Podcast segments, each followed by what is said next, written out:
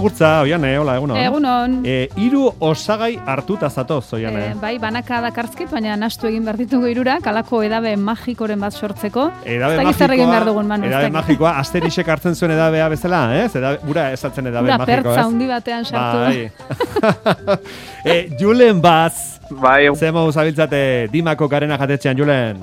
ondo, ondo, inpozik, ja, martzan gabizela, posik.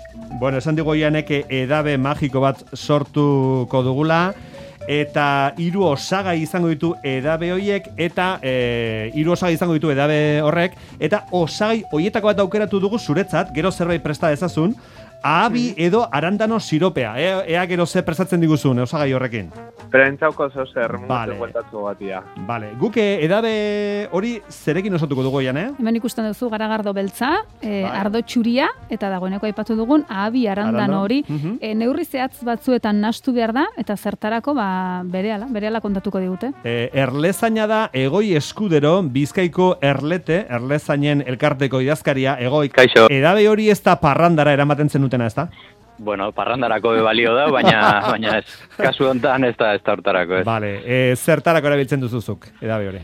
Ba, azkenen urteetan erabiltzen dugu e, Asiako listorren erreginak harrapatzeko, batez be udaberri hasieran. Mhm. Oso oso erakargarria egiten zaie negutik esnatzen direnean eta ba, trampak prestatzen ditugu haiek hor jauzi eta abi, abirik egin ez dezaten. Atzo kasualidadea edortauna munorekin aritu ginen, e, zera, e, Asiako listorari buruz, eta esan zikun badela egazti bat, zapelaitz listorre jalea, e, ba, bueno, baita ere, zera, jaten dituena listorroiek, baina, e, zuen kasuan esan bezala, edabe berezia erabiltzen duzue, e, listor asiatikoa akabatzeko, erreginak akabatzeko esan diguzu. E, Bai, egoi, hori da. Eta Bai. zerk egiten du ba nasketa hau erakargarri, zergatik osagai bakoitza? Bakoitzak zer ematen dio nastura honi? Bueno, ba, egia esan erantzun zehatz bat ezingo dut eman, baina bai azkenen urteetan e, erlezain pila bat eta erlezain elkarte askotan e, ibili gara froga desberdinak egiten eta ba, inguru honetan honek e, honek funtzionatu izan du oso ondo. Ez da zuek asmatua. Ez, ez, guk ez behintzat. Vale. E, nola erabiltzen duzue, konta guzu pixka bat. Bueno, ba, guk egiten duguna da prestatu trampa bat e, listorrak erraz sartuko direna, baina zailtasunak izango dituztenak ateratzeko edo bertan e, itoko direnak. E, izaten dira trampak e, ba, arrantzarako edo karramarroak harrapatzeko erabiltzen diren e, ideia hori erabiltzen dutenak, ez? Ba, e, sarrera erraza daukate, baina gero bertan sartzen diren animaliek e, ezin izaten dute em, ba hori buelta eman, ezta? Eta eta bertan sartzen dugu ba hori garagardo beltzaren, ardo zuriaren eta, eta siropearen naste hau ba, pila bat erakartzen dituelako eta eta hori barrura sartu eta bertan itotzen dira. Eta ze garaitsutan orain ari zarete hontan udaberriatarian? Bai, orain da, erreginak harrapatzeko sasoi betea orain hasten da, jakin behar da haiek eh, negua ernalduta pasatzen dutela, hau da, e, udazken bukaeran ernaltzen dira etorkizuneko erreginak, eta orain hasten dira, hori negutik eh, esnatzen ba, otsaila bukaera, eta bueno, orain, orain da, sasoi betea.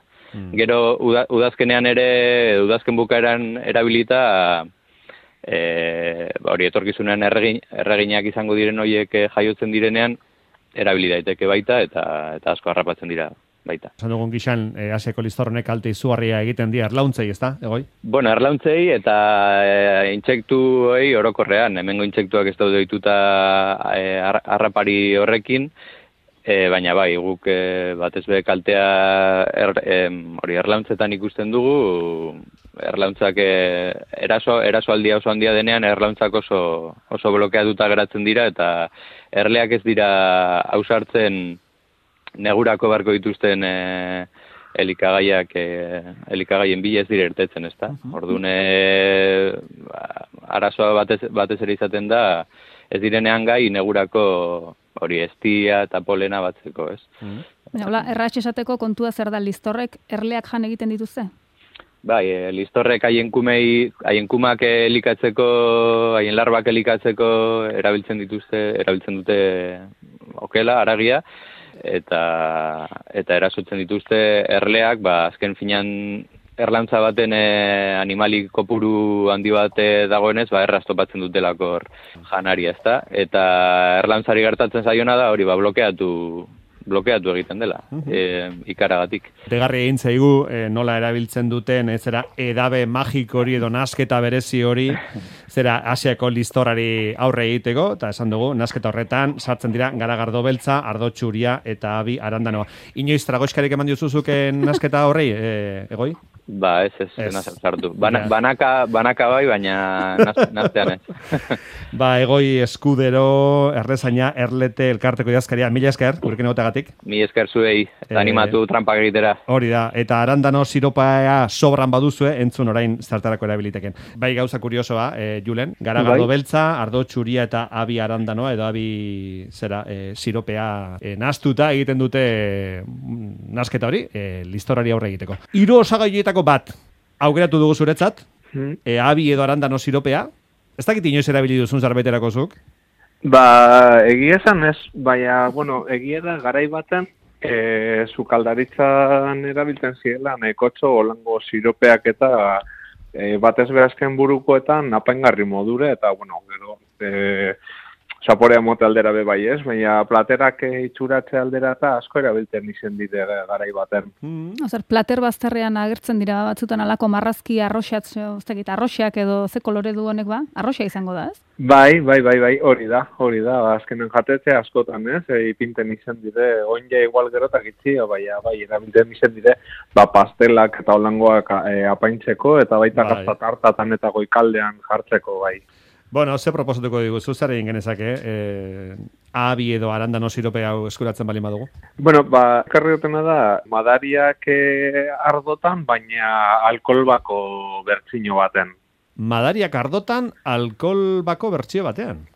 Hori da, bueno, engo dugu bertzino bat, eh? Ardaua erabili beharrean, erabiliko dugu abi siropea. Orduan, beharko dugu sei madari, engo dugune da sei madari horrek zuritu, txortenak kendu eta hasiak kendu, garbitu eta e, laurdenetan moztu. Vale. Beste alde batetik, e, abi siropean litro bat, eta e, litro erdi gur naztauko doguz. Eta en, irikiten ipiniko dugu nazte hori, egosten e, irikiten nazten den bita, e, momentuan, e, hogei minutuz egosiko doguz bertan e, madariek. Aha. Atara, bertatik atarako doguz, eta kanela utza eta azukereagaz, e, azukera beltzarenagaz e, onduko doguz. Daukingo gendu zen ja, e, alkolbako madari ardotan e, egindako madariek. Aha. Orduan, ba, bueno, neko errezadan e, errezeta bat, eta, bueno, ba, alkola estekin entzako, o, ba, bueno, beste, beste modu bat jateko. Edo alkola edan ezin duten entzat adibidez, Oh, ezta, ez? Batzuk ezin dute ba. edan, ez? Bai, Orduan- daudenak, ba, orduan dauen jente antzako, edo... Bai, errepikatu osagaiak sei madari, eh, esan diguzu, et hoiek egin behar dira zuritu eta garbitu, ezta? Hori da, zuritu, Eta barrukaldeak, txortenak kendu eta barrukaldeak kendu, ez? Hori da.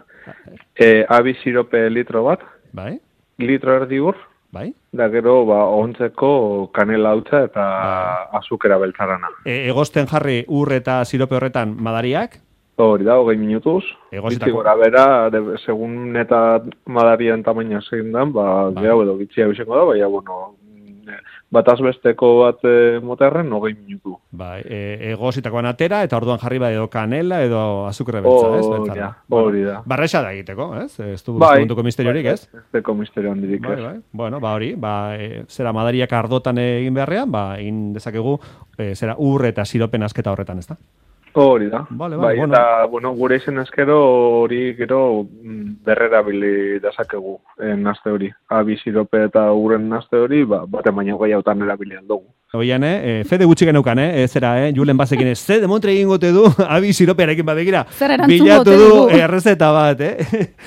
Julen baz, eh, dimako garena jatetxeko, eskerrik asko, besarkada bat. Eskerrak zagoi. Segi ondo, agur, Bai, agur, agur, Julen, eh? Fede gutxiko agur, eh? Bai,